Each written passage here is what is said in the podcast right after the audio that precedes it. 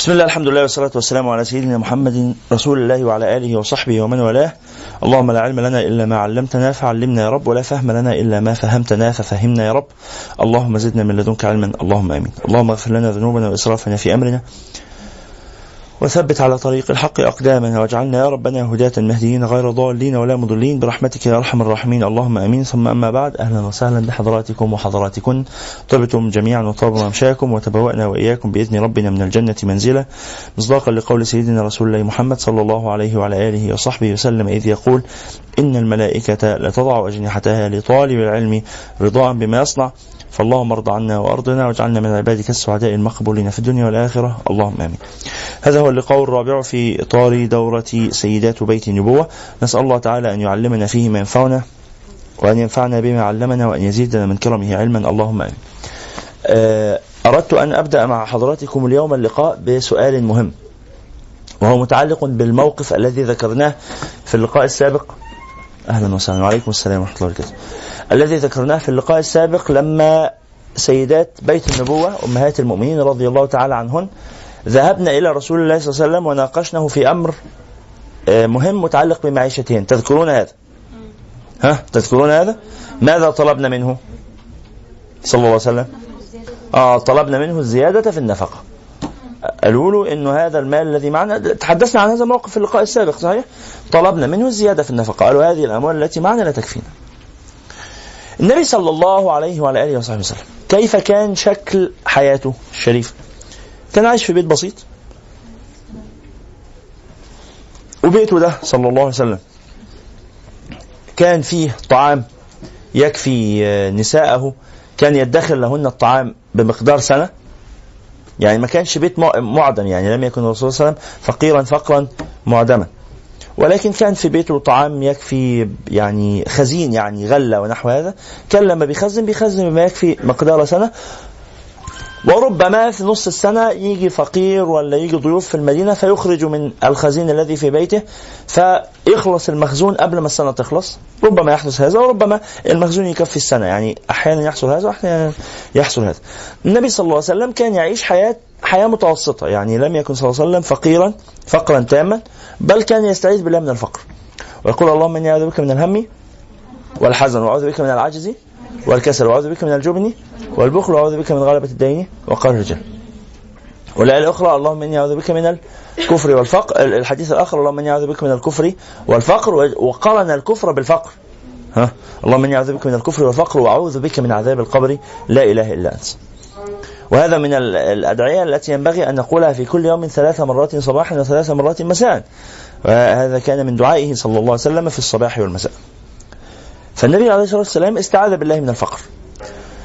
ومع ذلك عاش حياة نجد أن من مواقفها أنه صلى الله عليه وعلى آله وصحبه وسلم قد خرج يوما إلى إلى أحد طرقات المدينة فلقي أبا بكر وعمر يسيران معا فقال ما أخرجكما في هذه الساعة التي لا يخرج فيها الناس؟ كان ذلك في وقت الظهر.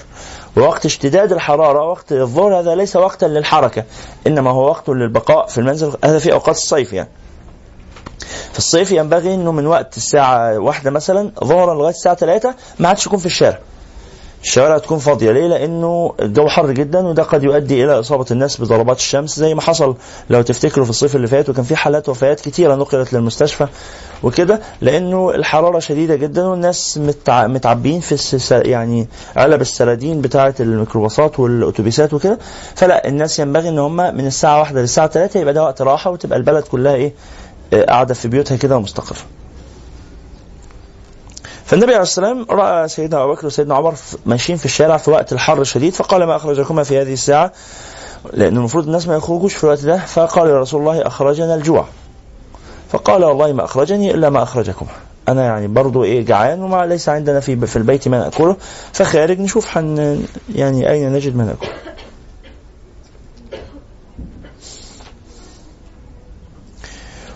وحصل بقى الموقف اللي حضراتكم عارفينه لما كشف آه، سيدنا أبو بكر عن بطني فإذا آه، آه، قد ربط عليها حجرا من الجوع يعني حط حجر على بطنه وشد القماش على الحجر عشان الحجر يكبس على البطن فالبطن ما تحسش بآلام الإيه؟ الجوع يعني البطن بتتعصر عارفين الجوع اللي يعصر البطن أو يوجع البطن؟ فبطنه بتتعصر من الجوع فهو بيكبس عليها الحجر ويشده بالقماش عشان الألم يخف وبيخفف شعوره بالألم. فلما سيدنا أبو بكر عمل كده النبي صلى الله عليه وسلم كشف عن بطني فإذا عليها حجرين.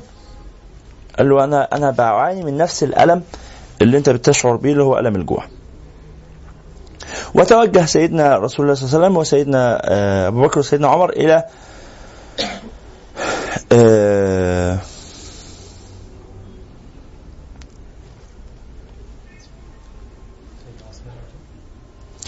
إلى بيت سيدنا أبي أيوب الأنصاري رضي الله تعالى عنه وأرضاه سيدنا خالد ابن سعيد الأنصاري أبو أيوب.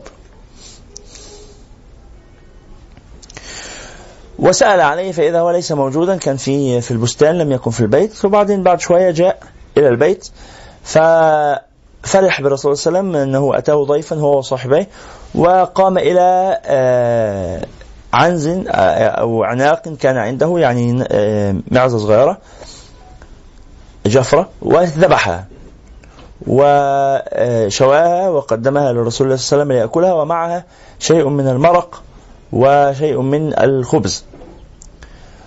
وأتى بعرق من النخل وكان فيه شيء من تمر وشيء من رطب وشيء من بسر. التمر اللي هو البلح الناشف والرطب هو البلح الطري والبصر اللي هو البلح الذي لم ينضج بعد بيبقى لسه لونه أخضر وده زي الفواكه كده بيتقرقش يعني بيبقى طعمه مر شوية لكن ساعات بيبقى كويس فأتى. بصحن فيه الطعام وصحن آخر فيه شيء من تمر ورطب وبسر وقربه لرسول الله صلى الله عليه وسلم وصاحبيه فأكل رسول الله صلى الله عليه وسلم وأكل الصاحبين الكريمين ثم بكى رسول الله صلى الله عليه وسلم. فقيل له يا رسول الله ما يبكيك؟ فقرأ قول الله سبحانه وتعالى آه، فقال فقال صلى الله عليه وسلم لحم وخبز ومرق ورطب وتمر وبسر والذي نفس محمد بيده لتسألن يومئذ عن النعيم. وبكى صلى الله عليه وسلم. قال النعيم اللي إحنا فيه ده هنسأل عنه يوم القيامة. طيب.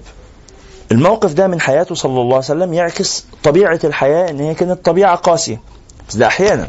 لكن في أحيان أخرى لا كان عنده الجبال من الذهب ها تأتيه وقد جعلها الله تعالى له غنائم. آه ومن حقه صلى الله عليه وسلم أن يتملكها وأن ينفق منها على نفسه. والله سبحانه وتعالى جعل خمس الغنائم لرسول الله أو خمس الفيء لرسول الله صلى الله عليه وسلم. ما أفاء الله على رسوله من أهل القرى؟ فالله ولرسول ذي القربى واليتامى إليه. فالله سبحانه وتعالى جعل له الخمس ومع ذلك النبي عليه والسلام كان يخرج كل هذا هذه الأموال وكل هذا الذهب ولا يبقي في بيته منه شيء ومع ذلك كان يتملك. فعنده خيل وعنده أكثر من سيف وعنده أكثر من ناقة. فهو نفهم من هذا إن حياة النبي صلى الله عليه وسلم ما كانتش كلها على وتيرة واحدة وإنما كان إيه؟ أحيانا ها؟ يثري ويتملك وأحيانا يخرج هذا الذي تملكه ويبقى آه، يعني منتظرا لفضل الله سبحانه وتعالى عليه.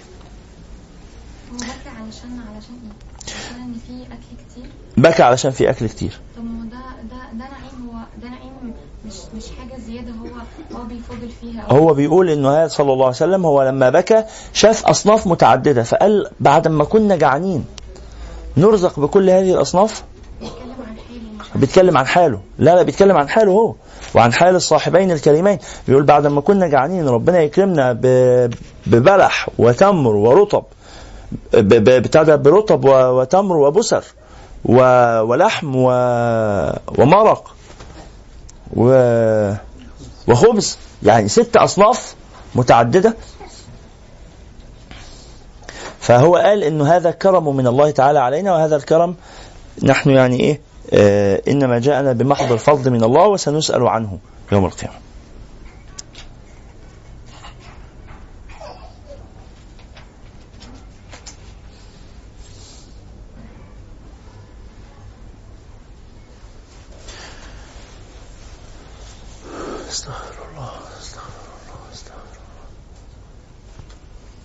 هذا الموقف من حياته الشريفة صلى الله عليه وعلى آله وصحبه وسلم يظهر معنى هذا المعنى هو أن الحياة يعني ربما يكون فيها بعض مراحل الضيق وربما يكون فيها بعض مراحل السعة.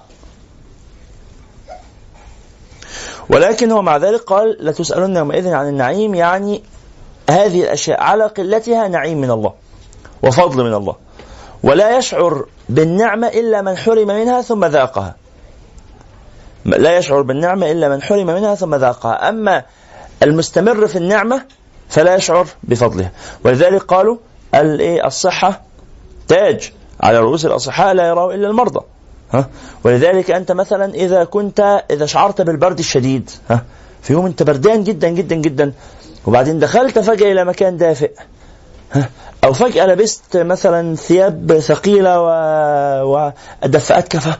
آه تخرج تنهيدة راحة ها؟ إذا مثلا هل الآن نحن نحن جالسون الآن هل أحد من الحاضرين يستشعر نعمة الله عليه بأنه القلب شغال؟ حد حاسس دلوقتي حالا بالنعمة دي قبل ما أقول الكلمة دي حد كان فاكرها؟ حدش واخد باله. حدش واخد باله إن في نعمة عظيمة اسمها إن أنا قلبي شغال. ما حدش واخد باله إن في حالا نعمة عظيمة سارية علينا اسمها إن إحنا شايفين بعض مثلا. إن إحنا سامعين بعض. وإن في غيرنا محروم من هذه النعمة. هذه النعمة الآن لا نشعر بها. لماذا لا نشعر بها؟ لاستمرارها لتعودنا عليها. ولكن هل نشعر الآن مثلا بنعمة الحرية؟ الحمد لله نحن أحرار بنعمة الأمن والحمد لله يعني لا نسمع من فوقنا الطائرات تقصفنا و... وتقتل أبناءنا وتهدم بيوتنا؟ لا نشعر الآن بهذه النعمة رغم أنها نعمة عظيمة جدا. فكل نعم الله سبحانه وتعالى كذلك إذا حرمنا منها ها نعمة مثلا أن الحمد لله نستطيع أن حتى ندخل الحمام. ها دخول الحمام ما بنحسش إن ده نعمة لأن إحنا بنعملها طبيعي واحد مرض يعني انسد مخرج البول منه. عافانا الله وإياكم وبطنه خلاص يعني حس باحتقان والمثانه هتنفجر. وفعلا يعني في مثل هذا المثانة تنفجر وتسمم الجسم كله خلال دقائق الإنسان يموت. لأنه البول يمتلئ به الدم نسبة البولين تزيد في الدم ويموت الإنسان بالتسمم فورا. يعني هو نفسه سمم نفسه يعني. فهو نقلوا المستشفى فورا داخل العنايه العناية المركزة وعملوا له عملية لازم تبقى عملية سريعة جدا يعني عشان يطلعوا هذا البول ويشوفوا هيعملوا إيه ويعملوا له إيه القسطره البتاع ده اللي بتتعلق الكيس الخارجي ده عشان البول يخرج فيه. وبعد ما قعد في المستشفى ثلاث أيام وبعد ما هو خارج راحوا له بالكشف إنه يعني تكاليف العلاج في الثلاث أيام دول والعملية وكده كان 20000 جنيه. فبكى فقالوا له يعني هل أنت فقير ممكن ما تقلقش في في المستشفى هنا تقدم على منحة بيحصل على الفقراء ونخفف عليك ال... فقال لا الحمد لله خير ربنا كتير وأقدر أدفع الفلوس قالوا له طب بتبكي ليه؟ قال لأني بقالي 60 سنة بتبول وربنا سبحانه وتعالى لا يرسل لي فاتورة. الآن أنا جيت المستشفى عشان أتبول مرة واحدة طلعت لي فاتورة الحمام 20000 جنيه عشان أدخل الحمام عندكم. والله سبحانه وتعالى ما بيبعتليش فواتير بعد كل حمام بدخله. فاحنا بندخل الحمام ونخرج ولذلك كانوا يعني إيه أبائنا وأمهاتنا بيسموا الحمام تسمية ما بقتش موجودة دلوقتي. كانوا يسموه إيه؟ بيت الراحة. ها؟ فعلا هو بيت الراحة أنت تدخل ترتاح. والنبي صلى الله عليه وسلم علمنا هذا وقال إيه؟ إذا خرجت من الخلاء فقل الحمد لله الذي أذهب عني الأذى وعافاني. انت ارتحت ها من أذى كان أنت جسمك معبأ بأذى معبأ بسموم وبعدين تروح تخرج هذه السموم وتتخلص منها وتروح وخلاص وتخرج أنت مرتاح ونظيف وهادئ البال ومرتاح جدا. متى تشعر بهذه النعمة؟ لما يكون في وقت من الأوقات عندك مرض ما ومش قادر تدخل الحمام. تعرفوا تفهمون هذا؟ لما مثلا عافانا الله وإياكم أنا مررت بهذا مرة إنه أصابني مرض أنا محتاج كنت في الطريق محتاج حمام حالا لازم ادخل الحمام حالا. مش قادر امسك نفسي. وادور حواليا مش لاقي حمام. وجسمي يتعصر. واقف مش مش لا قادر اتحرك. لو اتحركت ممكن يعني اتفضح كده في وسط الشارع. ولو وقفت طب لا أنا لازم اتحرك عشان أدخل مش عارف أعمل إيه. فأصبحت أتحرك شبر بشبر. شبر يعني أنا بتحرك وأنا مجبس جسمي كده عشان أحافظ على وأقول والله اللي كان في قلبي وعمال أكرره يا رب ما تفضحنيش. ما تفضحنيش. لأنه يعني إيه البني آدم؟ حتى أنا أذكر ساعتها كنت أقود السيارة لما حصل الموقف ده أنا بقود السيارة وبعدين فجأة بطني عارفين قرصة البطن أو قفشة البطن دي؟ فبطني شدت قوي جدا لدرجة إني مش مش قادر أكمل القيادة ولا قادر أدوس على الفرامل. يعني أنا ساعتها ممكن العربية تخبط في حاجة قدامها ووراء مش عارف أعمل إيه. ف وفردت جسمي جدا كله أصبحت جسمي بمثابة ال- المسطرة على الكرسي لأني لا- مش عارف أعمل إيه. وأحاول أدوس على الفرامل بالراحة لغاية لما فين؟ لقيت مسجد وركنت جنب المسجد ونزلت واقف جنب العربية مش قادر أتحرك. مش قادر. المسجد أهو مش قادر ادخل وفضلت كل اللي جوه قلبي أقول يا رب ما تفضحنيش استرني يا رب استرني يا رب. وقعدت أكرر هذه الكلمة. وبعدين علق بيها صوتي. استرني يا رب. هتفضح يعني أنتوا مستوعبين الحالة يا اخوانا؟ هروح أروح لأهلي إزاي دلوقتي لو حصل موقف زي كده؟ ولا هركب إزاي تاني العربية؟ هعيش إزاي؟ أكرمني الله سبحانه وتعالى وسترني لغاية لما قدرت أوصل إلى الخلاء. فاحسست احساس إنه طيب أنا كام ألف مرة قبل كده قلت استرني يا رب لما أعدي بس الموقف ده وأول لما عديت الموقف ده خلاص. أنا تمام الحمد لله يعني ما فيش مشاكل. ونسيت فضل الله علي كم مرة يا أخوانا ندخل الحمام ونخرج منه ما نحسش بهذه النعمة العظيمة. كم مرة ناكل وما نحسش. نفس ده كم نفس أخذناه من ساعة ما قعدنا. كل نفس نعمة عظيمة من الله علينا وإحنا ما أحس ما أحسسنا بهذه النعمة وإحنا قاعدين حالا. يعني نحن خلال هذه الساعة من ساعة ما بدأنا اللقاء ولا نص ساعة لو جينا نعدد نعم الله تعالى علينا الآن الآن وإحنا قاعدين مش هنقدر. مش هنقدر. وعلى ما نخلص التعداد نعم يعني إحنا نعد النعم. يلا واحد اثنين ثلاثة أربعة. ها. على ما نعد وعليك السلام. كده. على ما نعد النعم لو وصلنا للنعمة الخامسة هتكون تجددت نعمة أخرى. فهمتم المعنى؟ فطب هعد وصل اكتشفت إن أنا دلوقتي قدرت أحصر إن أنا حواليا 10000 نعمة. على ما احصل 10000 نعمة دول هيمر من الوقت ما يجعل إنه في ع- 11000 في نعم أخرى. ولذلك أنا عاجز عن حمد الله تعالى على هذه النعم. ولذلك أنا عندما أحمد الله تعالى حمدي ده تقصير. الحمد تقصير. حمد الله تقصير في حقه. لأنك عارف حمد الله يعني أنت لما تقول الحمد لله على النعمة كأنك واحد جه ادالك مثلا مليون جنيه هدية فأنت قلت له إيه؟ شكرا. لا مليون جنيه دي ما يتقالهاش. شكرا وتعمل لي دماغك كده. صح ولا إيه؟ مش كده يا أخوانا؟ يعني أنت لو قلت للانسان ما شكرا. هو هيعتبر ده شكر ولا هيعتبر ده إيه؟ ده, ده لا. لكن أنا لو جيت اديت لك 3 جنيه فأنت قلت لي شكرا. ماشي. يعني هي على قد ال 3 جنيه بتوعك يعني شكرا. خلاص. أعمل لك إيه يعني؟ أنت مش مش جايب لي 3 جنيه وعايزني أقف آه، أعظم لك يعني. خلاص 3 جنيه شكرا. لا، السلام عليكم. واخو سايبك وماشي لكن أنت لو اديتني مليون جنيه لا ده أنا هعمل لك تمثال. صح ولا إيه؟ هجيب صورتك وأعلقها عندي في البيت عشان لما تيجي تزورني؟ ها؟ تلاقي إن صورتك متعلقة برواز عريض في النفاق أصل له أصول. خلاص مش كده ولا إيه؟ ما أنا عشان لا لازم أنافقك عشان تستمر نعمتك علي. فأنا ح- هقوم وبعدين أقوم فاتح موبايلي قدامك كده أقول لك ده أنا حاطط صورتك خلفية موبايل. ها؟ واقول لك ده أنا ده أنت حبك بيجري في قلبي. واقول لك ده أنا أمي بتدعي لك. ولما تيجوا تضحكوا أقول لكم ما تضحكوش. لأن الموضوع جد. خلاص أنتوا معايا في ال... يعني في الآخر ده طبيعي على طبيعي جدا لأن النعمة اللي أنت أنعمت بيها عليا نعمة كبيرة. مش نعمة صغيرة. مش كده ولا إيه يا اخوانا؟ الله سبحانه وتعالى نعمه علينا أكبر من هذا بكثير. وإحنا حتى عاجزين عن إدراكها. الشاهد النبي صلى الله عليه وسلم كان يعيش مع زوجاته وفي بيته بظروف حياتية ومعيشية مختلفة. أحيانا يوسع عليهم وأحيانا يضيق عليهم من العيش.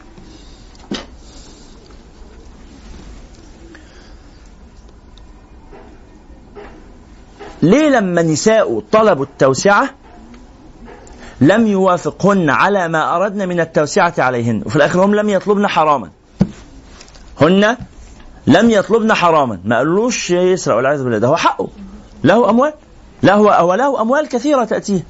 لماذا يخرج منها هذا الكم الكبير من المال؟ ها؟ لماذا لا يحتفظ لنفسه بالخمس كما أمره الله؟ ليه ما يبقاش ملك؟ مش ربنا قال له ممكن تبقى ملك؟ هو لو بقى ملك ده يعني ده هتبقى حاجة وحشة في حقه؟ ما هو سيدنا داود كان ملك ونبي وسيدنا سليمان كان ملك ونبي. ليه يعني يعني إحنا ليه حظنا يجي كده؟ ليه حظنا يجي؟ ما أنت راجل صالح بس في صالحين تانيين أغنياء. أنتوا مستوعبين الحالة؟ إحنا ما في ما في أنبياء تانيين صالحين. وملوك برضه ربنا موسع عليهم. ليه يجي حظ أنا ونصيبي إن أنا أعيش في في الفقر ده؟ لماذا؟ ده سؤال محتاج تأمل. لماذا لم يوافقهن رسول الله على ما اردنه من التوسعة عليهن من أمر النفقة؟ هل أجد عندكم إجابة؟ عشان ده كان وقت جهاد مثلا. عشان ده كان وقت جهاد؟ طب ما كان في صحابة أغنياء والنبي ما نهاهمش عن غناهم. عشان ما ما نقولش إن النبي وأهل بيته كانوا عايشين آه، حياة بذخ عالية جدا. صحيح. النبي صلى الله عليه وسلم قال حديث خطير جدا جدا جدا جدا. وحديث فيه قسم النبي قال والله. النبي لما يحلف يبقى يعني إحنا هو كده كده صادق صلى الله عليه وسلم بلا حلف يعني هو كلامه كله صدق صلى الله عليه وعلى آله. فلما يقسم بقى كمان يعني ده واضح إن الموضوع والله ما الفقر أخشى عليكم. والله ما الفقر أخشى عليكم. مش خايف عليكم الفقر. وبيحلف. يعني الفقر ما بيخوفش. والله ما الفقر أخشى عليكم. ولكن ولكني أخشى أن تفتح عليكم الدنيا.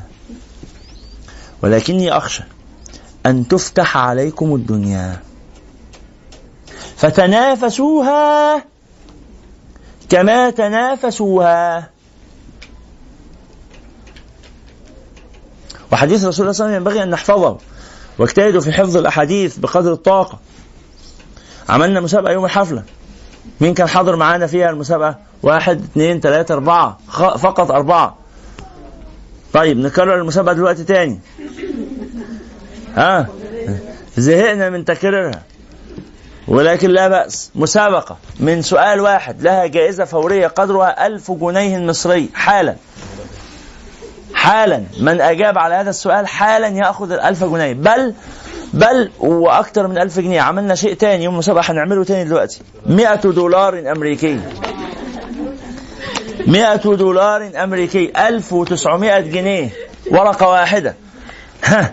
1900 جنيه. إجابة هذا السؤال. اللي يجاوب على هذا السؤال هياخد هذه ال 1900 جنيه حالا. الس... ما... ما تجاوبش عليها في الحفلة وكررت نفس السؤال تاني يوم ومحدش جاوب وكررت تالت يوم ومحدش جاوب وبكرره دلوقتي رابع يوم ويا رب حد يجاوب. أنا نفسي ما ترجعليش تاني. أنا نفسي ما ترجعليش. سؤال بسيط. لا سؤال بسيط جدا. ويوجه للطلاب في الحضانة. السؤال بيقول مين حافظ الأربعين النووية؟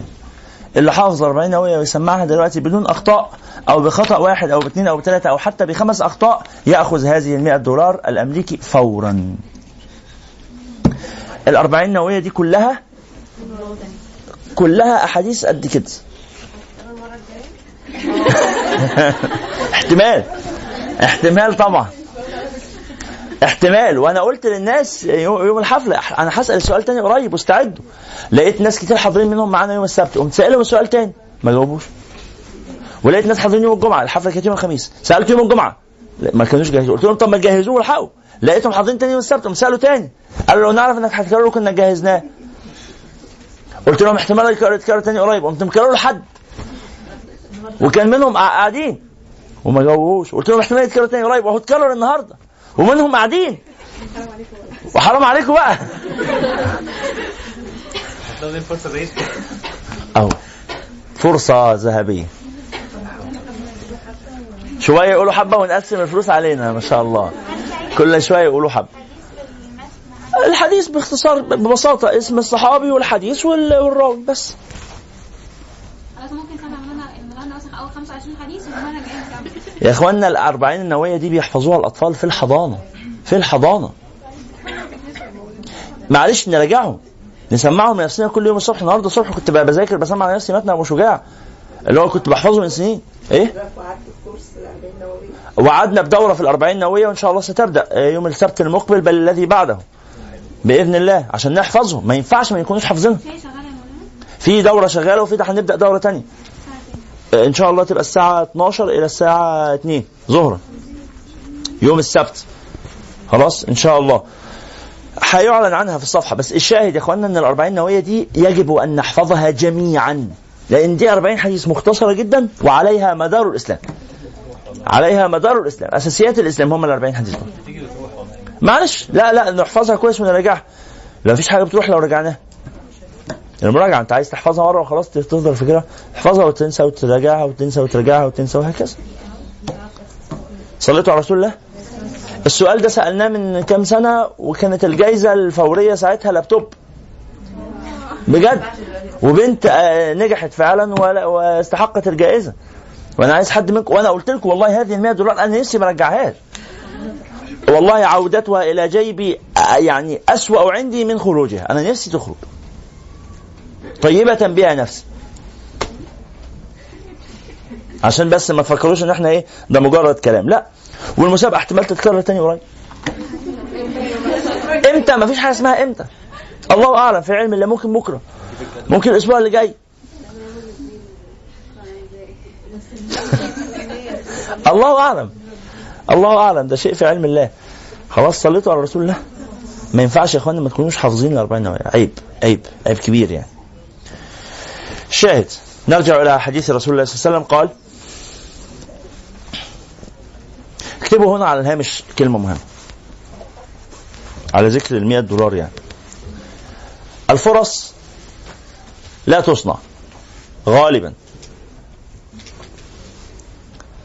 الفرص لا تصنع غالبا لكنها تقتنص. لكنها تقتنص.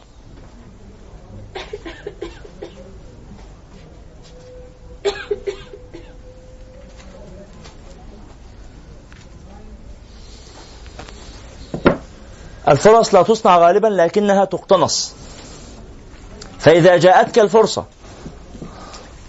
وأنت غير مستعد لها فإذا جاءتك الفرصة وأنت غير مستعد لها ندمت أشد الندم ساعة لا ينفع الندم.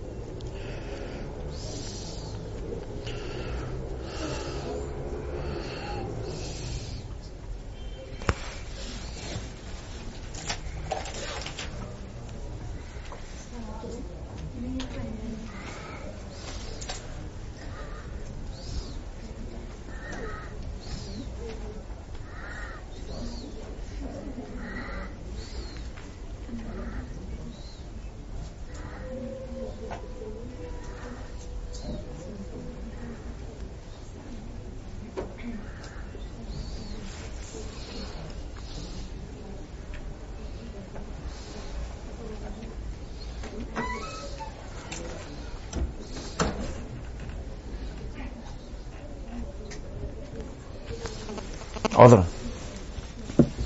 فهمتم هذه القاعدة الأخيرة؟ وأنت عايش في الحياة ده دي قاعدة للحياة كلها يا أخوان. الحياة كلها. طول ما أنت عايش في لحظة ممكن تيجي فرصة. وفرصة مش ب 100 دولار فرصة ممكن تبقى بمليون دولار.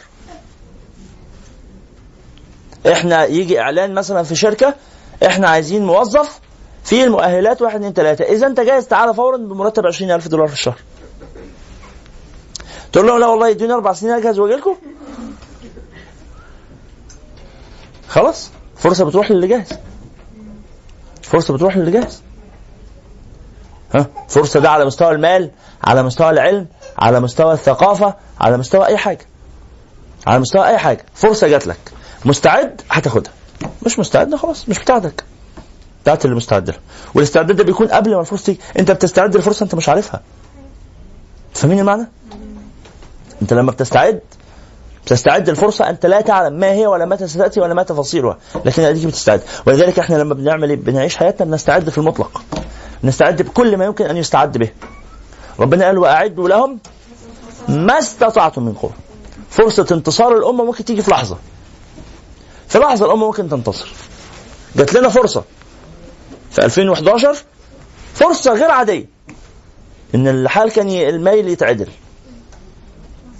فرصة غير عادية. بس إحنا كنا مش مستعدين. كنا مش مستعدين. اللي كان مستعد شال. اللي عمل نفسه مستعد شال وطلع انه مش مستعد. اللي مستعد بشكل حقيقي هو اللي شا... أنتوا فاهم- فاهمين المعاني؟ ادي ده سياسيا. ها. آه... بتاع ده إسرائيل. هتجيلنا فرصة للانتصار وإنهاء إسرائيل. هتجيلنا الفرصة. بس إحنا ساعتها ياه لو أنا بس كنت اتعلمت شوية لو إحنا بس معاشر المسلمين كنا بقى عندنا خبراء آه، عسكريين وسياسيين. لو إحنا بس ما كانش عندنا استبداد داخلي مخلي ال- المواهب مكبوتة. ها؟ أنتوا شفتوا شفتوا تهنئة الوزير آه، آه، السفير البريطاني أمس؟ مين شافها؟ واحد. طيب السفير البريطاني امبارح في مصر تهنأ الش- الشباب المصري بحاجة عجيبة جدا. دي معلومة أنا عارفها بحكم اتصالي بكتير من هؤلاء الشباب بس اتفاجئت حقيقة.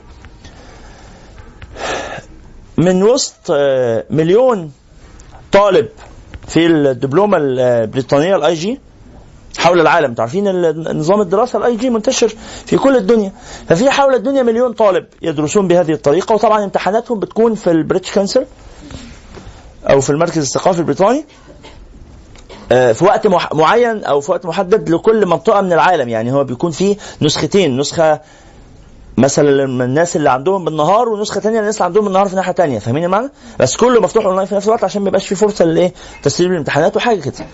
اللي حصلوا على المراكز الستة الأولى في العالم مصريين. يعني إحنا عندنا مواهب إمك- ودي تهنئه نزل نزلها بتاع ده السفير البريطاني للشباب المصري إن هم المتفوقين على البريطانيين. أنا زوجتي بتعمل مدرسة في آه، كلية لندن لل آه، للاقتصاد. دي فتح فاتحين فرع هنا في في في القاهرة في الأكاديمية البحرية اللي في شيراتون وزوجتي بتدرس في في هذه ال- الكلية. فبتقول لي إنه هم بي- بيتفاجئوا في LSE بيتفاجئوا بحاجة البريطانيين إنه الدرجات كل سنة عمالة تزيد عند المصريين في حين هم البريطانيين ما بيحصلوش الدرجات دي فبيجي ناس من عندهم هناك عشان يعملوا إشراف ويسألوا هو أنتوا يعني إيه اللي بيحصل؟ إيه اللي بيخلي الطلبة هنا أنتوا فاهمين المعنى؟ إيه اللي بيخلي الطلبة هنا يحصلون على درجات لا يحصل عليها زملائهم البريطانيين؟ لا مش غش ولا حاجة لا لأن الغش لأن تاني الامتحان بقول لكم الامتحان بيحصل فين؟ الامتحان بيحصل في في ال British Council يعني بإشرافهم هم الامتحان ما بيحصلش. لو الامتحان بيحصل عندنا خلاص الموضوع مفهوم يعني. خلاص بس لا الامتحان بيحصل عندهم هم وبإشرافهم هم. فما فيش فرصة لفكرة غش أو مش غش. لا الفرصة دي مش موجودة. المصريين عندهم إمكانيات لكن بي- بيكبتها الاستبداد. بيكبتها الاستبداد. يقولوا إن الطغاة شرط الغزاة. اكتبوا هذه الكلمة. إن الطغاة شرط الغزاة. يعني إيه إن الطغاة شرط الغزاة؟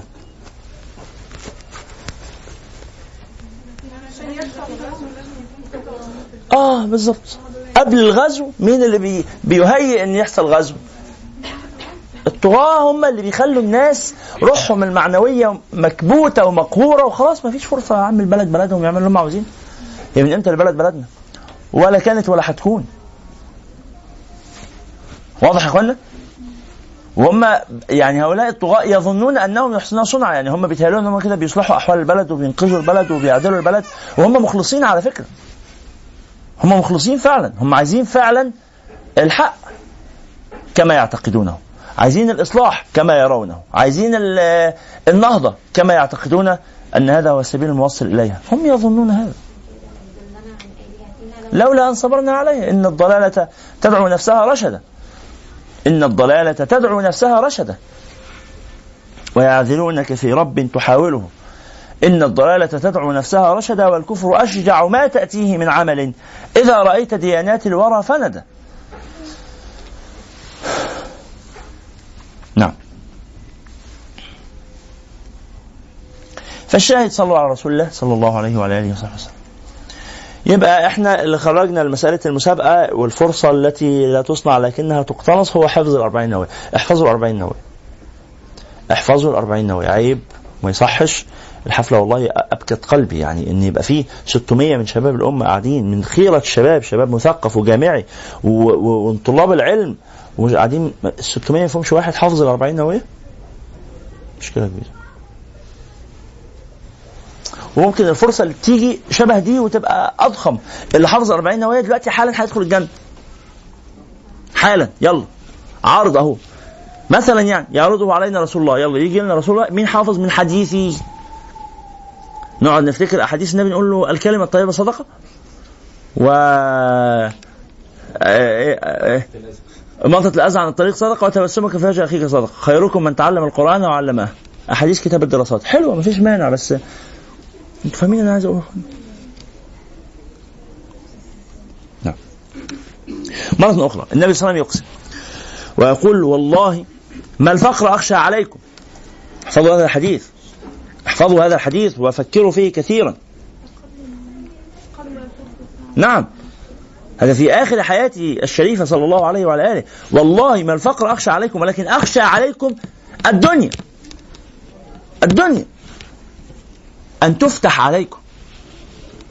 فتنافسوها يعني أنتم كما تنافسوها هم. فتنافسوها اللي هو أنتم كما تنافسوها. تنافسوها يعني تتنافسون فيها. تنافسوها أي تتنافسون فيها. فتنافسوها كما تنافسوها فتهلككم كما أهلكتهم.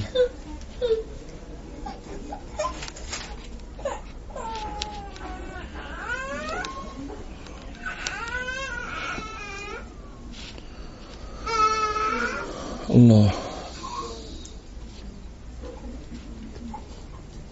والله ما الفقر أخشى عليكم ولكن أخشى عليكم الدنيا أن تفتح عليكم فتنافسوها كما تنافسوها فتهلككم كما أهلكتهم. وقد كان يا رسول الله وقد كان. يبقى إذا النبي عليه الصلاة والسلام لما لم يستجب لرغبة نسائه رضوان الله عليهن وصلوات الله وسلامه عليهن جميعا لما لم يستجب إلى هذه الرغبة المشروعة وكان مطلبا مباحا. لم يكن لم يكن يطالبن بشيء حرام. ولكنه لم يستجب لهن لأنه يريد أن يربيهن على أن طلب الدنيا لا آخر له. وأنهن يريدن الزيادة قليلا. فإذا حصلنا على هذه الزيادة القليلة طلبنا ما هو أكثر منه. وأنا أظن يعني قلت لكم موقف أمي. ها؟ في اللقاء سابق. ولا لن يكن هنا؟ مش مشكلة خلاص. مش هفضل أتكلم عن أمي في كل مكان دي حاجة أصل مسيئة يعني شوية. إليها يعني. مش مسيئة بس هي بتعكس إن أمي آه يعني عندها نفس سذاجة البشر كلهم. كل البشر سذج. كل البشر. لكن يعني بيفوقوا بعدين وبيفهموا. فهموا إيه؟ بيفهموا إنه هي أمي كان عندها رغبة من زمان من أبويا إنه أبي تاجر. فكان بيدي لها الفلوس بتاعه مصاريف البيت يوم بيوم. ثلاث أيام بثلاث أيام أسبوع بأسبوع كده. إيه؟ قلتها هنا بس. لا بأس لا بأس. الشاهد يعني باختصار باختصار. فهي كانت ترغب كانت ترغب في ان هي تاخد المرتب يعني مصاريف البيت مرتب على بعضه. قالت بس أنا لو باخد مبلغ كذا أظن كان يمكن 1000 جنيه 2000 جنيه حاجة كده. قالت لو باخد الرقم ده على بعضه يكفي البيت واحتياجاتنا ومصاريفنا وكل حاجة بس اخده على بعضه. طب يا حاجة ما أنت بتاخديه متقطع بتاخدي أكتر منه. لا مش عايز أخد أكتر منه عايز أخده هو بس. بس اخده على بعضه. هي بتاخد تاخد 50 في 100 في 30 في 40 في 10 كده فيوصل رقم كده بتقول والله لا أنا أفتكر الرقم كان يمكن كانت بتقول 500 جنيه أو آه أظن 500 جنيه مثلا حاجة زي كده. أظن إنها كانت بتقول 500 جنيه. بس لا باخد 500 جنيه على بعض. يمر السنين والأحوال تتغير ويبقى في يعني ترتيب مختلف عند أبويا في الشغل وبعدين تبقى بتاخد فلوس آه على بعضها في أول الشهر. في شهر من الشهور كانت واخدة رقم كبير شوية.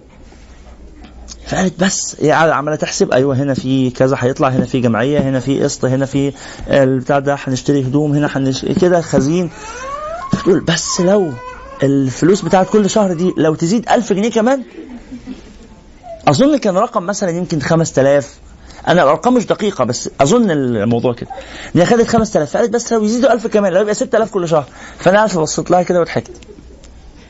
بتضحك على إيه؟ قلت لها مفيش يعني لنا الكلام وإحنا يعني إيه عايزين نخرج منها سالمين. فضحكت. فافتكرت ال... افتكرت إيه؟ افتكرت إن أنا كنت بقول لها والله أنت لو بتاخدي المبلغ اللي على بعضه ده مش هيكفيك. قالت لا هيكفيني هبقى عارفة إيه اللي داخل لي وهرتب حساباتي عليه. قلت لها والله ما هيكفيك. قالت لا هيكفيني. خلاص؟ وأنا بحلف وهي بتقول لا هيكفيني. إلى أن حصل هذا الموقف فقلت لها طيب أديك اصبحت تأخذين يمكن خمس أو عشر أضعاف ما كنت تطلبين. ولكن حصل إيه؟ الرغبات زادت. الرغبات زادت. ولذلك قلنا قاعدة كررناها كتير في موضوع الفلوس. ها تذكرونها. ها الرغبات. ها؟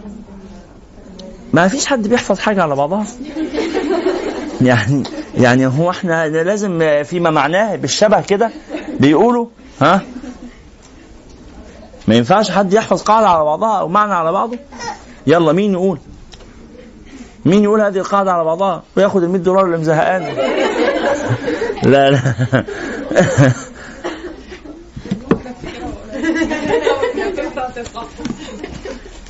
خمسين جنيه. يلا. أصل القاعدة أصل صغيرة وسهلة وكررناها كتير قوي قوي يعني. ما تفرش الكشكول تفر الكشكول. كشكول إيه اللي تفره يلا خمسون جنيها الان بسرعة ها جائزة.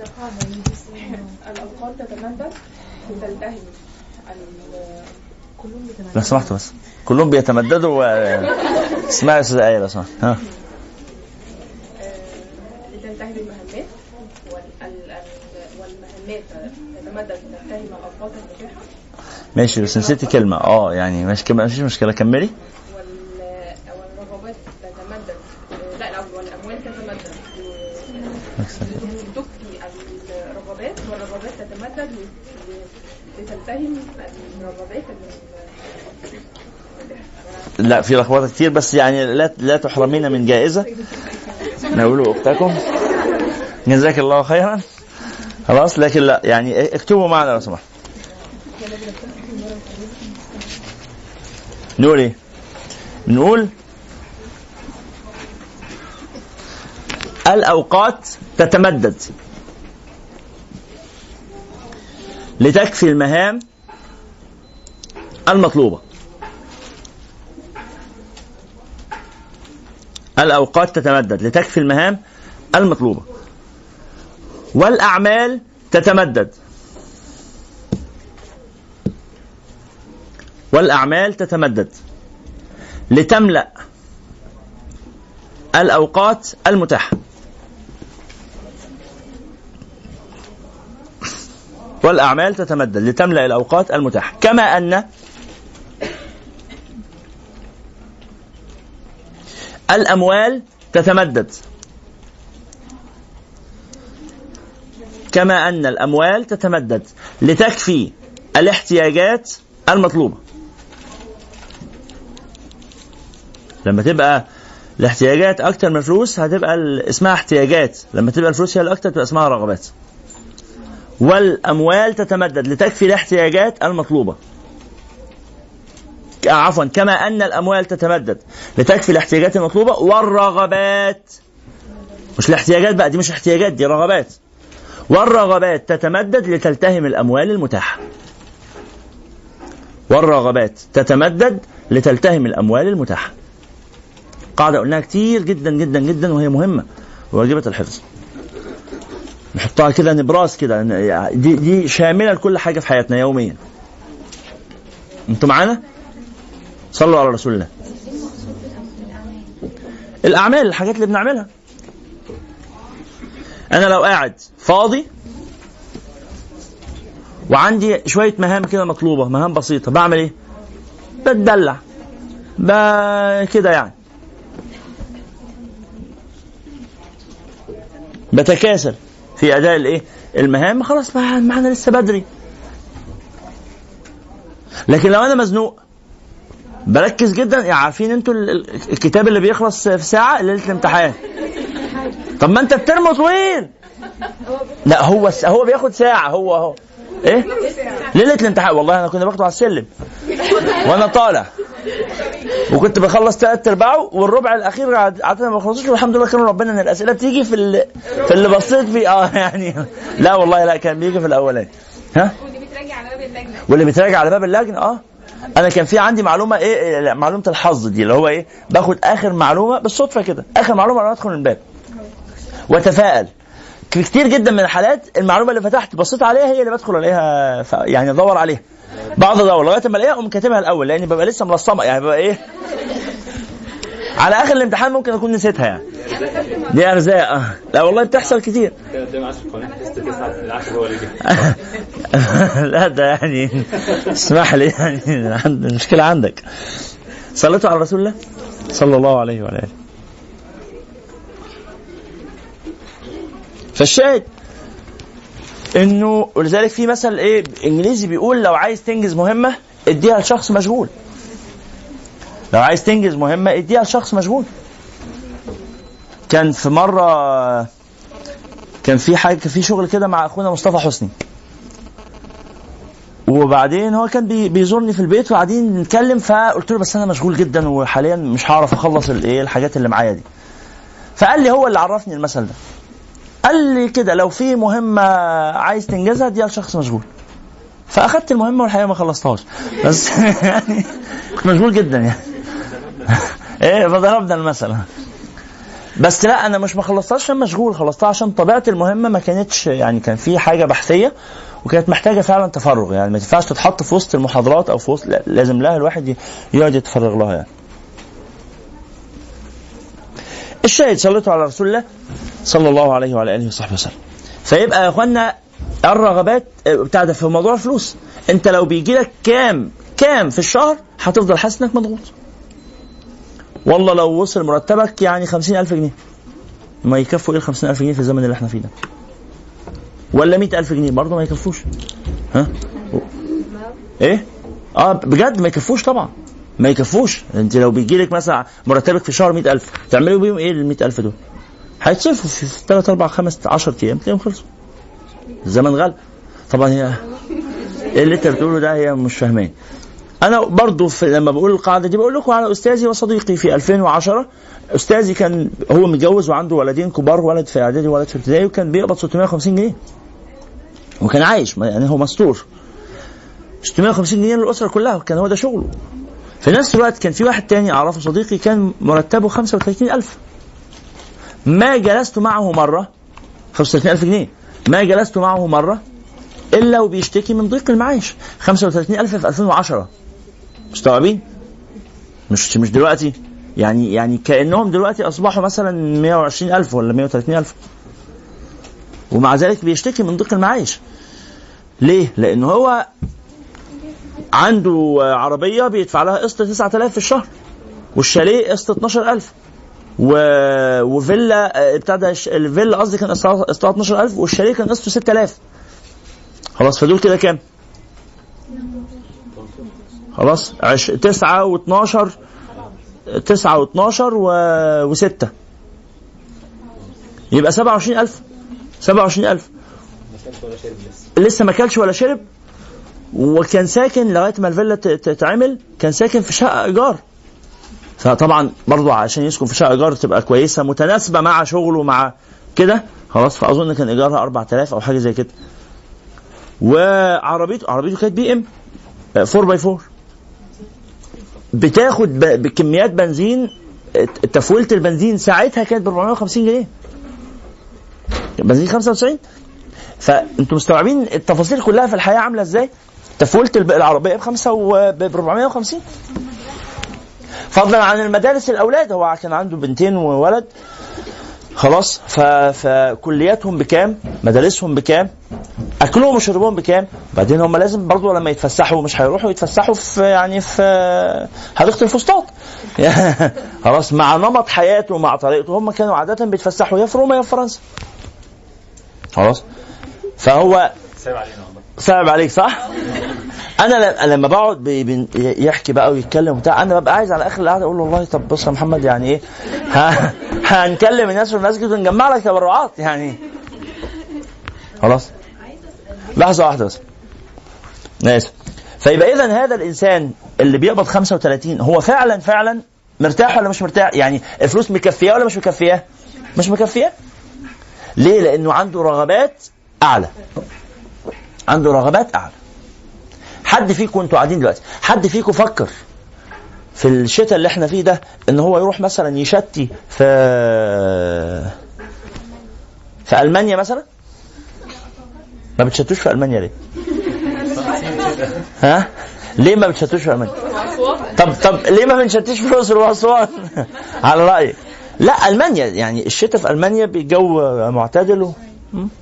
ليه ما بنروحش شتي في ألمانيا؟ ما أعرفش ألمانيا لا يمكن في دول أحسن من ألمانيا كمشتى. أسبانيا ممكن. آه.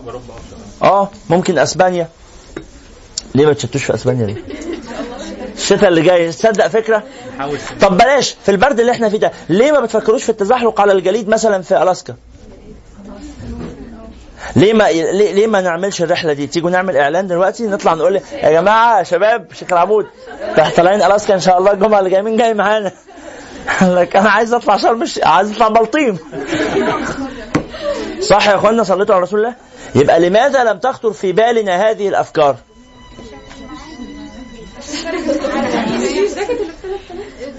ده ال أنت سمعتوا ال عجيب. عجيب. طيب الله المستعان. فنحن لم نفكر في هذه الأفكار. بلاش حاجة تانية. ليه ما فكرتوش مثلا إن أنتوا تجددوا ديكور البيت؟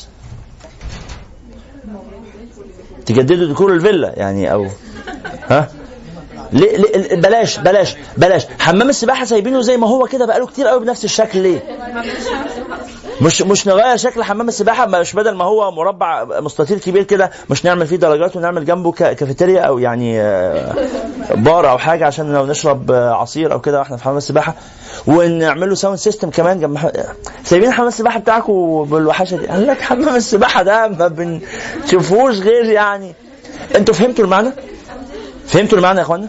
أنتوا لو بتقبضوا في الشهر 10 مليون جنيه بس خلاص فهبقى قاعد أفكر إنه الفيلا بتاعتي دي ضيقة ومش لائقة بمستوايا أنا لازم يكون معايا عربية موديل السنة أنا لازم يكون معايا فيلا على الأقل يعني لازم عفش عفش البيت بالكامل يتغير كل سنة عشان يبقى شكل العفش لما حد يجي يزورني على الموضة أنا هبقى قاعد على نفس الأنتريه اللي بقاله 10 سنين ولا خمس سنين ولا من ثلاث سنين ليه؟ ليه؟ مفيش مبرر صح ولا إيه؟ طب الهدوم أنا لازم يبقى عندي آه، آه، أوضة كاملة dressing room طب بيد الدولاب والهدوم تحطها تحت الدولاب وتطلع الشتوي وتحط الصيفي شتوي وصيفي أنت عبيط؟ شتوي إيه اللي هحطه؟ آه، خلاص. كرسي الهدوم عارفة كرسي الهدوم اللي جنب السرير ده؟ لا ده في dressing room كبيرة واحدة للايه للصيف وواحدة للشتاء خلاص؟ الجزم عندكم كام جزم؟ أنا عندي جزمتين الحمد لله. الحمد لله. واحدة بلبسها يوم السبت من كل أسبوع وواحدة بلبسها من يوم الأحد ليوم ال- الجمعة. بس هم عارفين نفسهم كده وخلاص ومرتاح كده خلاص؟ وبتاعت يوم السبت من كل أسبوع دي جزمة الفرح. خلاص؟ يعني قبل الفرح كانت هي جزمة واحدة. الحمد لله. وأنا يعني مستقر كده ما عنديش ما عنديش مشكلات نفسية يعني. خلاص؟ في حين إنه لا أنا في واحد أعرفه برضه بشكل شخصي. عنده تقريبا مش مش فاكر بدقة يعني بس نحو حاجة و50 جزم حاجة و50 جزم ليه ليه حاجة وعنده جزامه عارفين الجزامه بتاعت المسجد كده؟ آه، آه، احذر من السرقة بقى يعني يكتبوا عليها. ببقى عايز لما أروح له وأنا خارج كده اقوم شايل ثلاثة أربعة في- في الكيس. خلاص. ليه 53 ولا 55 جزمه ليه؟ عشان كل طقم له جزمة وجزم إيه بقى؟ يعني مش مش جزمة من من طلعت حق هو قال لك هو عنده 55 طقم. اسكت يا شيخ اسكت. من أختنا بت... أختنا بتقول هو ده مش حرام؟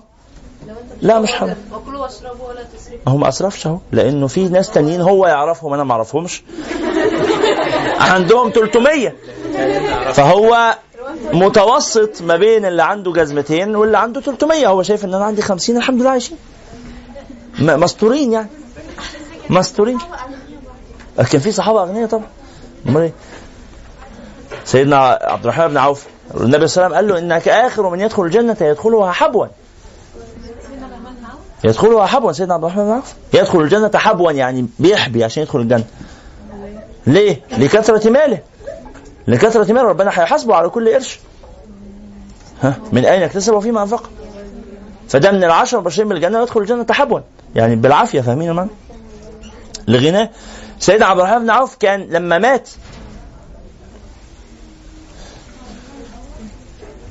وزعت تركته بالفؤوس من الذهب. يعني شويلة ذهب تتعبى كده عبي شوية دول كده عارفين المغرفه يقوم بالمغ- بالكوليك كده. يعبي شوية يعبي الشوال ده ابعت لي دول ابعت لي دول وزعت تركته وقسمت بالفؤوس. كانت الذهب كان عنده كان متزوج أربع نساء. كان ورث المرأة من الأربعة طبعا أنتم عارفين. المرأة ترث قد إيه؟ الزوجة لها الثمن. إن كان له فرع وارث. الثمن. فهو متزوج بأربعة. فالأربعة شركاء في الثمن. مش مش كل واحدة الثمن. هو الثمن هيتقسم على أربعة. لو متجوز ثلاثة الثمن يتجوز على ثلاثة وهكذا. ولذلك المرأة الواعية ما تخليش جوزها يتجوز عشان لما يموت تاخد الثمن على بعضه. ما ما- حدش يشاركها هو ده الهدف. الشاهد. فكان نصيب الواحدة منهن ألف وألف دينار. دينار الدينار أربعة جرام وربع ذهب. تحبوا تحسبوا الرقم ده ولا؟ أربعة أربعة جرام وربع. ده ده الإيه؟ الدينار. وهم مليون دينار يعني؟ بعم ذهب. ح- لسه هنضرب في, في, في الجنيه. ها؟ ده نصيب الواحدة من ثمانية طب وبقية الإيه؟ السبع آه، أثمان الأخرى. يعني ده ثمن. طب والسبعة الباقيين؟ فاهمين المعنى؟ كان في صبيحة كل يوم. بتاع ده. يخرج مئة ألف دينار صدقة. مئة ألف دينار. ثم يمسي وقد عاد أكثر مما أخرج. يعني هو الصبح اتبرع ب ألف بالليل دخل له 300 طب طب أعمل إيه؟ مش هيقل. إيه؟ نعم. لما قدم المدينة عارفين قصته؟ لما قدم المدينة وراح والراجل قال له أعطيك النصف داري والكلام ده قال له إيه بارك الله في لك في أهلك ومالك دلني على السوق وراح غطس كده في السوق دخل السوق صعلوك ما فيهوش في إيده حاجة بطوله كده. وقال له واحد تبيع لي الجاكيت ده؟ آه ابيعه لك بكام؟ ب 10 جنيه. طيب هجيب لك الفلوس إن شاء الله بكرة. أو كمان ساعة. خد البتاع ده وراح يبيعه باعه ب 15 رجع أدى للراجل. لا ما اداش للراجل 10 رجع بال 15 دول قام راح اشترى واحد تاني ب 10 خلاص؟ وادى للراجل ال 10 آه، وباعوا باعوا ب 15 ادى الراجل 10 بقى له 10 فهمتوا المعنى؟ ها؟ وقعد يعمل كده. بعد أسبوع لاسبوعين النبي صلى الله عليه وسلم لقى داخل المسجد وإيده فيها لون أصفر كده وهدومه مزركشة وبتاع. فقال له إيه يعني؟ ال... أنت مزركش كده ليه؟ فقال له أتراك أعرست؟ تجوزت؟ قال نعم. أنا بقالي أسبوعين في المدينة هفضل أسبوعين ما أتجوزش. خلاص أعرست؟ قال نعم. قال وما أمهرتها يعني أنت اديت لها فلوس منين؟ قال ما أمهرتها؟ قال أمهرتها زينة نواة من ذهب. بوزن النواة، عارفين نواة ال- البلح؟ كان في ظرف أسبوعين كان كسب من المال بما يوازي أو بما يكفي إن هو يجهز بيته ها ويتزوج ويديها مهر في إيديها غير تجهيز البيت فاهمين؟ زينة نواة من الذهب. إيه؟ يعني أربعة خمسة جرام مثلا؟ ها شيء من هذا القبيل. خاتم ده خاتم ذهب خلاص في أسبوعين يمكن كسب خاتم ذهب من التجاره هو ربنا كاتب له كده رزقه كده. لكن تاني هو آخر من ينجو يدخل الجنة حبوا والنبي صلى الله عليه وسلم ما كانتش حياته زي حياة عبد الرحمن ما اختارش هذا الاختيار. ليه ما اختارش هذا الاختيار؟ آخر شيء متعلق بهذا سيدنا سعيد بن المسيب سعيد بن المسيب أنا لو طلبت منكم قراءة شيء هل ستقرؤونه ولا ستقرؤونه ولا إحنا معتمدين معتمدين على الثقافة السمعية؟ قال لك إحنا جايين الدورة نسمع لكن نروح نقرأ دي دورة تثقيفية ودورة تثقيفية ما فيهاش تكليفات. لا يعني لو سمحتم اقروا ده. اقروا ده. اللي هو إيه؟ اللي هو قصة آه طلب عبد الملك عفوا لا معلش خلينا نقول قصة زواج ابنة سعيد بن المسيب. قصة زواج ابنة سعيد بنت ابنة سعيد ابن المسيب قصة زواج اقرأوها فين؟ اقرأوها في صور من حياة التابعين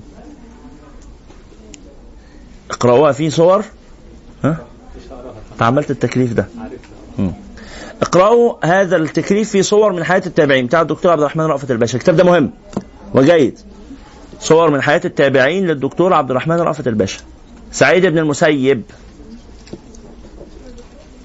الدكتور عبد الرحمن رأفت الباشا. الدكتور عبد الرحمن رأفت الباشا. صور من حياة التابعين. الجزء آه، بتاع ده أول حاجة فيه خالص هي قصة سعيد بن المسيب حتى يروا قصة زواج ابنته. رفض أن يزوج ابنته من أمير المؤمنين. رفض أن يزوج ابنته من أمير المؤمنين؟ لا كان ساعتها أمير المؤمنين عبد الملك بن مروان الأموي. كان أمير المؤمنين هو آه، آه، عبد الملك بن مروان. عبد الملك ها؟ آه عبد الملك بن مروان أرسل إليه سيد المسيب سيد المدينة. سيد التابعين رضي الله تعالى عنه وارضاه فأرسل إليه عبد الملك يقول له أنا عايز أجوز بنتك من ابني ومش ابني عادي ده ده ولي العهد. ولي العهد اللي هو يعني هيبقى الخليفة من بعدي هيبقى أمير المؤمنين بعدي وده يملك العالم كله إمبراطور يعني فرفض وراح في بعدها بكام يوم في أحد الطلاب غاب عن الدرس تاني يوم لما الطالب جه قال له آه أنت ليه غبت امبارح؟ قال له يعني ماتت زوجتي وكنت إيه؟ أجهزها وأدفنها. قال الك في الزواج حاجة؟ يعني عايز تتجوز؟ قال نعم ولكن من يزوجني ابنته؟ قال أنا. فالراجل اتخض انت ده انت ده انت رافض امير المؤمنين؟ قال ولكن إيه؟ ليس عندي ما أمهرها إياه يعني ما عنديش آه، فلوس. خلاص فقال تعلمها القرآن. وراح روح بيته في في نفس اليوم بعد الم- المغرب أو العشاء سمع طرقا على الباب فقال من بالباب فقال سعيد قال فخطر في بالي كل سعيد في الدنيا إلا سعيد بن المسيب. ليه؟ لأنه قبل هذا الموقف بعشرين سنة لم يره الناس إلا في مسجده أو في, مسجد رسول الله أو في بيته أو ما بينهما. يا في المسجد يا في البيت يا من المسجد للبيت لا من البيت للمسجد في الطريق بس. لم يذهب إلى عرس ولم يعد جنازة حتى ما كانش يخرج يتبع الجنازات. طب ليه ما كانش يتبع الجنازات ليه؟ لأن مسجد رسول الله فيه بعد كل صلاة جنازة. فهو لو هيتبع الجنازات مش هيعمل حاجة في حياته لا هيتعلم ولا هيعلم ولا. فخلاص يعني كل الناس بيتبعوا الجنازة بتاعتهم وأنا قاعد للعلم. فطول حياته قاعد يعلم ويتعلم وإما في بيته وإما في الجامع. قال فخطر في بالي كل سعيد إلا سعيد بن المسيب. ففتح الباب فإذا هو سعيد بن المسيب. قال سيدي لو طلبتني أتيتك. يعني بس كنت بعت لي حد أنا فقال كرهت أن تبيت الليلة وحدك وقد تزوجت صباحا.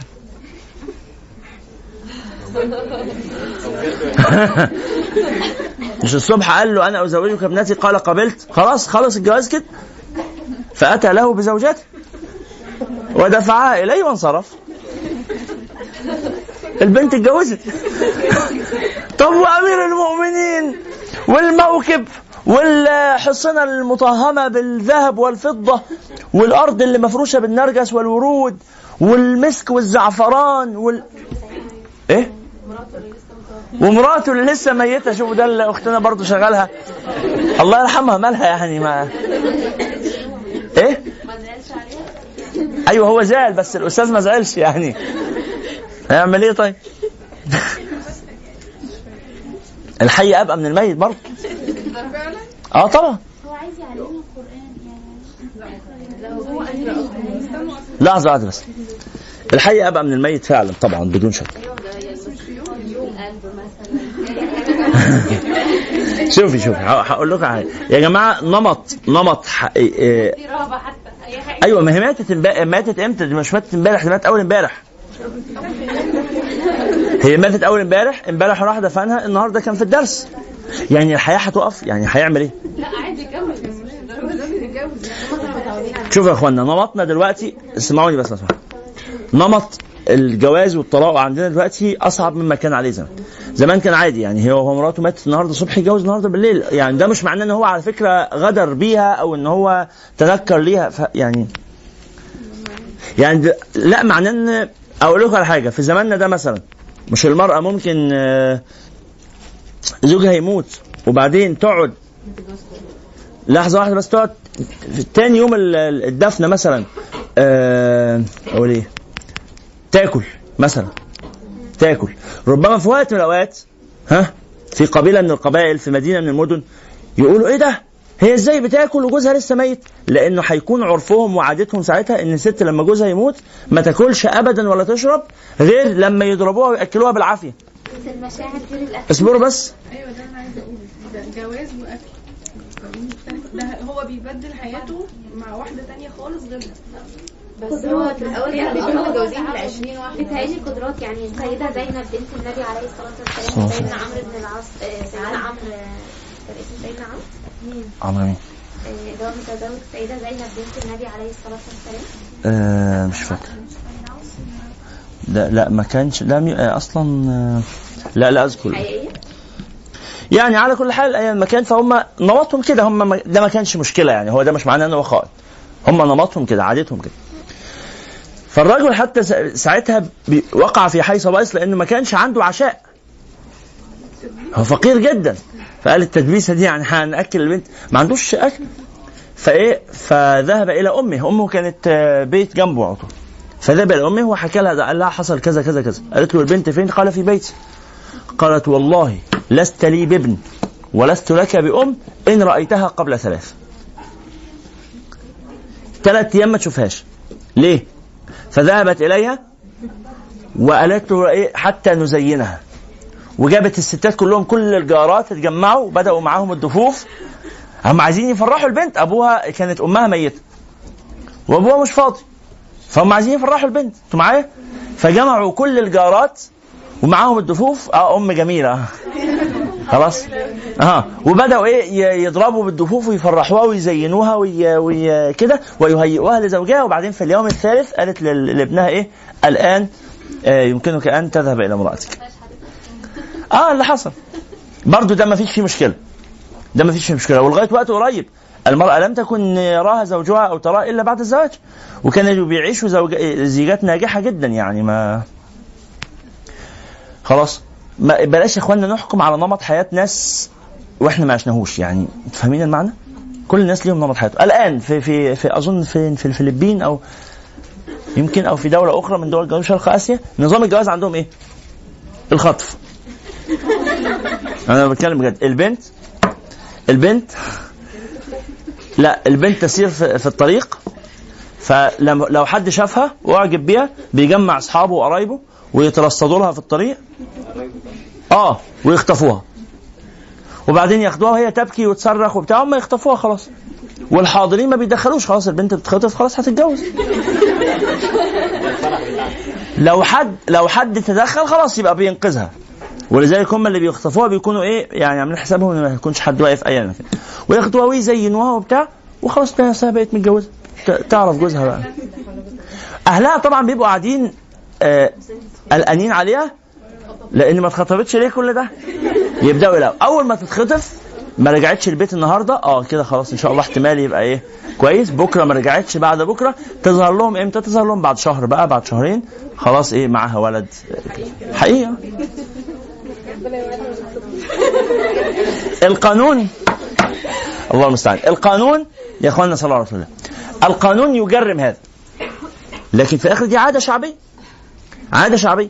فالستات اللي متجوزين أغلبهم ما كانش كلهم اتجوزوا بالطريقة دي وعايشين مبسوطين مع جوازهم. وفي اللي عايشين متنكدين يعني بس بس مش كلهم متنكدين. خلاص. طب ولحظه ما على ولازم في الفرح بيبقوا بيعيطوا وبتاع. خلاص. هم بي بي هي بتعيط ليه؟ عشان مخطوفة. أقول لكم على حاجة مهمة تبع الموضوع ده مثلا. هي بتعيط وهي مبسوطة. هي بتعيط لأن ده نمط اجتماعي. هي لو فرحت. أنت مبسوطة؟ آه يعني أنت إيه مقبلة على الزواج؟ فاهمين المعنى؟ لا ده والله ده غصب عني يا إبراهيم. بيه والله ما نفسي ابدا كنت اتخطب ها؟ وتتظاهر بالبكاء بس هي في الحقيقة إيه؟ سعيدة خلاص ربنا هيكرمها هتجوزها وفي بنات بيتأخر خطفهم بقى خلاص بيكبروا يعنسوا ما تخطبوش تفضل تمشي في حتت ضلمة يعني. لو ما حدش ناوي يخطبني يعني يا اخوانا ما حدش عنده نظر في في القبيلة بتاعتكم دي. ها؟ الله المستعان. فإيه يا اخوانا؟ ففكرة إنه مثلا مش معنى إن هي إن أنتوا لو شفتوا فرح وشايفين العروسة قاعدة بتعيط إن هي حزينة. أنتوا فهمتوا اللي أنا بقوله؟ لا مش معنى بكائها ان هي حزينه كانوا بيطلقوا ويرملوا ويتجوزوا. مثلا فكرة إن هي بتطلق وبعد طلاقها بثلاث شهور تكون متجوزة. يعني أول العدة خلصت امبارح النهارده بتتجوز. ها؟ جوزها مات أربع شهور و10 أيام بالظبط تتجوز. ها؟ كل ده في دي اسمها إيه يا اخوانا أنماط اجتماعية. أنماط ما نحكم ما نحكمش على نمط ما عشناهوش. الشاهد فدخل عليها. فوبعدين تاني يوم الصبح لما يعني أعرس دخل بها وبعدين تاني يوم الصبح خارج. فقالت له إلى أين؟ زوجته. قالت له إلى أين؟ قال آه، آه، خارج من درس سعيد. أبوها. قالت اجلس أعلمك علم سعيد. كل ما عند أبيها من العلم لأنها كانت قاعدة مع أبوها طول عمرها ومهتمة بالعلم وكانت طالبه علم جدا فكل ما عند أبيها من العلم عندها. فجلس إليها فعلا فوجد إنه إيه؟ عندها ما كان عند شيخه وما كان يعلمه إياه شيخه وجد أن زوجته قال طب ده أنا المفروض كنت أنا أعلمها ال- القرآن ومهرها القرآن بتاعه ولكن ده كلام قاله له آه، سعيد على يعني أبوها عشان يجوزها. طيب السؤال هو أبوها لماذا لم يزوجها وهو قال لها بقى الكلام ده. لماذا لم يزوجها ب كان مين؟ كان الوليد. لماذا لم يزوجها بالوليد بن عبد الملك ابن مروان؟ قال خشيت عليك إن دخلت قبور إن دخلت قصور آه، بني أمية أن يخالط حب الدنيا قلبك وإنه إن حدث هلكت. هي لما تروح وتشوف نمط الحياة والخدم والحشم وهي ست بنت بسيطة وبتاع لما تشوف النمط ده تطغى وترضى عن الظالمين وتخالط الظالمين وتصاحب الظالمين وتبقى من الظالمين وتهلك. تبقى كسبت الدنيا وخسرت الآخرة. فاختار لها الآخرة أفضل من أن يختار لها الدنيا. فهمتم هذا؟ صليتوا على رسول الله؟ الأزمة إن الإنسان دائما ما يحاول يمسك العصاية من النص. أنا عايز يبقى معايا فلوس وأبقى صالح وسعيد ومهتم بشؤوني الاجتماعية وأبويا وأمي بيحبوني وناجح في عملي و... وعيالي وأبقى أب ناجح. وكمان أبقى بتقن الطبخ وعشان خاطر مراتي تتبسط مني وأكون بمارس هوايات وبركب عجل وبعمل دايفنج و فاهمين المعنى؟ ده مش موجود. ربنا يحفظه يا رب ويبارك فيه ربنا يحفظه ويبارك فيه ما من إنسان ما من إنسان قط إلا وعنده شيء ناقص هو يريده. ما من إنسان في الدنيا إلا وعنده شيء ناقص هو يبحث عنه ويريده وإلا تبقى الدنيا جنة. وهذا ليس موجودا خلاص؟ فالله فالنبي عليه السلام أراد أن يعلم نساءه إنه ول- ولذلك ربنا سبحانه وتعالى علم ده للنبي نفسه وقال له إيه؟ لما عرض عليهن ال- قال لهم بقى إيه؟ إن كنتن تريدن الحياة الدنيا وزينتها فتعالينا امتعكن وسرحكن سراحا جميلا وإن كنتن تريدن الله ورسوله والدار الآخرة فإن الله أعد للمحسنات منكن أجرا عظيما. مش ده اللي حصل؟ أم حصل إيه بعدها؟ آه أر- أر- أرادوا إن هم يبقوا أم ربنا قال له لا يحل لك النساء من بعد ولا أن تبدل بهن من أزواج خلاص ما ينفعش إنك تغير وأم في, في, في آية أخرى بيقول له آه لا ولا تمدن عينيك إلى ما متعنا به أزواجا منهم زهرة الحياة الدنيا لنفتنهم فيه ورزق ربك خير. فربنا بيقول للنبي صلى الله عليه وسلم إنه بداية الشر فتحة العين على ما عند الغير. بداية الشر فتحة العين على ما عند الغير. هم عندهم وأنا ما عنديش. هذا أول الشر. وأول الخير الرضا. أول الخير فتحة العين على ما عند النفس من الفضل فأشكر. وعلى ما عند الغير من ال- الاجتهاد في الطاعة فأعرف تقصيري. ولذلك قالوا إيه؟ انظر في الدنيا إلى من هو أقل منك. قل ده أنا عندي وهو ما عندوش. الحمد لله. انظر في الدنيا إلى من هو أقل منك. وانظر في الآخرة إلى من هو أعلى منك. ده مجتهد في العبادة والطاعة وعنده من العلم ما ليس عندي. إيه ده؟ ده أنا وحش قوي ده المفروض أشتغل على نفسي. أنا الحمد لله عندي نعمة هو عندي فلوس وعندي وعندي وعندي والراجل ده أعلى مني في العلم. أنا لازم أحصله. ها انظر في الدنيا إلى من هو أدنى منك وانظر في الآخرة إلى من هو أعلى منك فإن هذا أدعى لأن تشكر نعمة الله عليك. كان هذا درسا نبويا. بليغا علمه رسول الله لنسائه وعلمه ربنا سبحانه وتعالى لنبيه صلى الله عليه وسلم وهو درس ينبغي على كل من أراد سياسة نفسه أو إدارة أمر أهله أو بيته أو رعيته وكلكم راع وكلكم مسؤول عن رعيته. ينبغي أن يفهم هذا وينبغي أن يفهمهم هذا وينبغي أن يتحول هذا إلى سلوك عملي. انه طمع الإنسان ملوش آخر ارضى بما كتبه الله لك. وازهد في الدنيا يحبك الله وازهد فيما عند الناس يحبك الناس. هذا وصلى الله على سيدنا محمد وعلى آله وصحبه وسلم. سبحانك اللهم وبحمدك أشهد أن لا إله إلا أنت أستغفرك وأتوب إليك. السلام عليكم ورحمة الله وبركاته.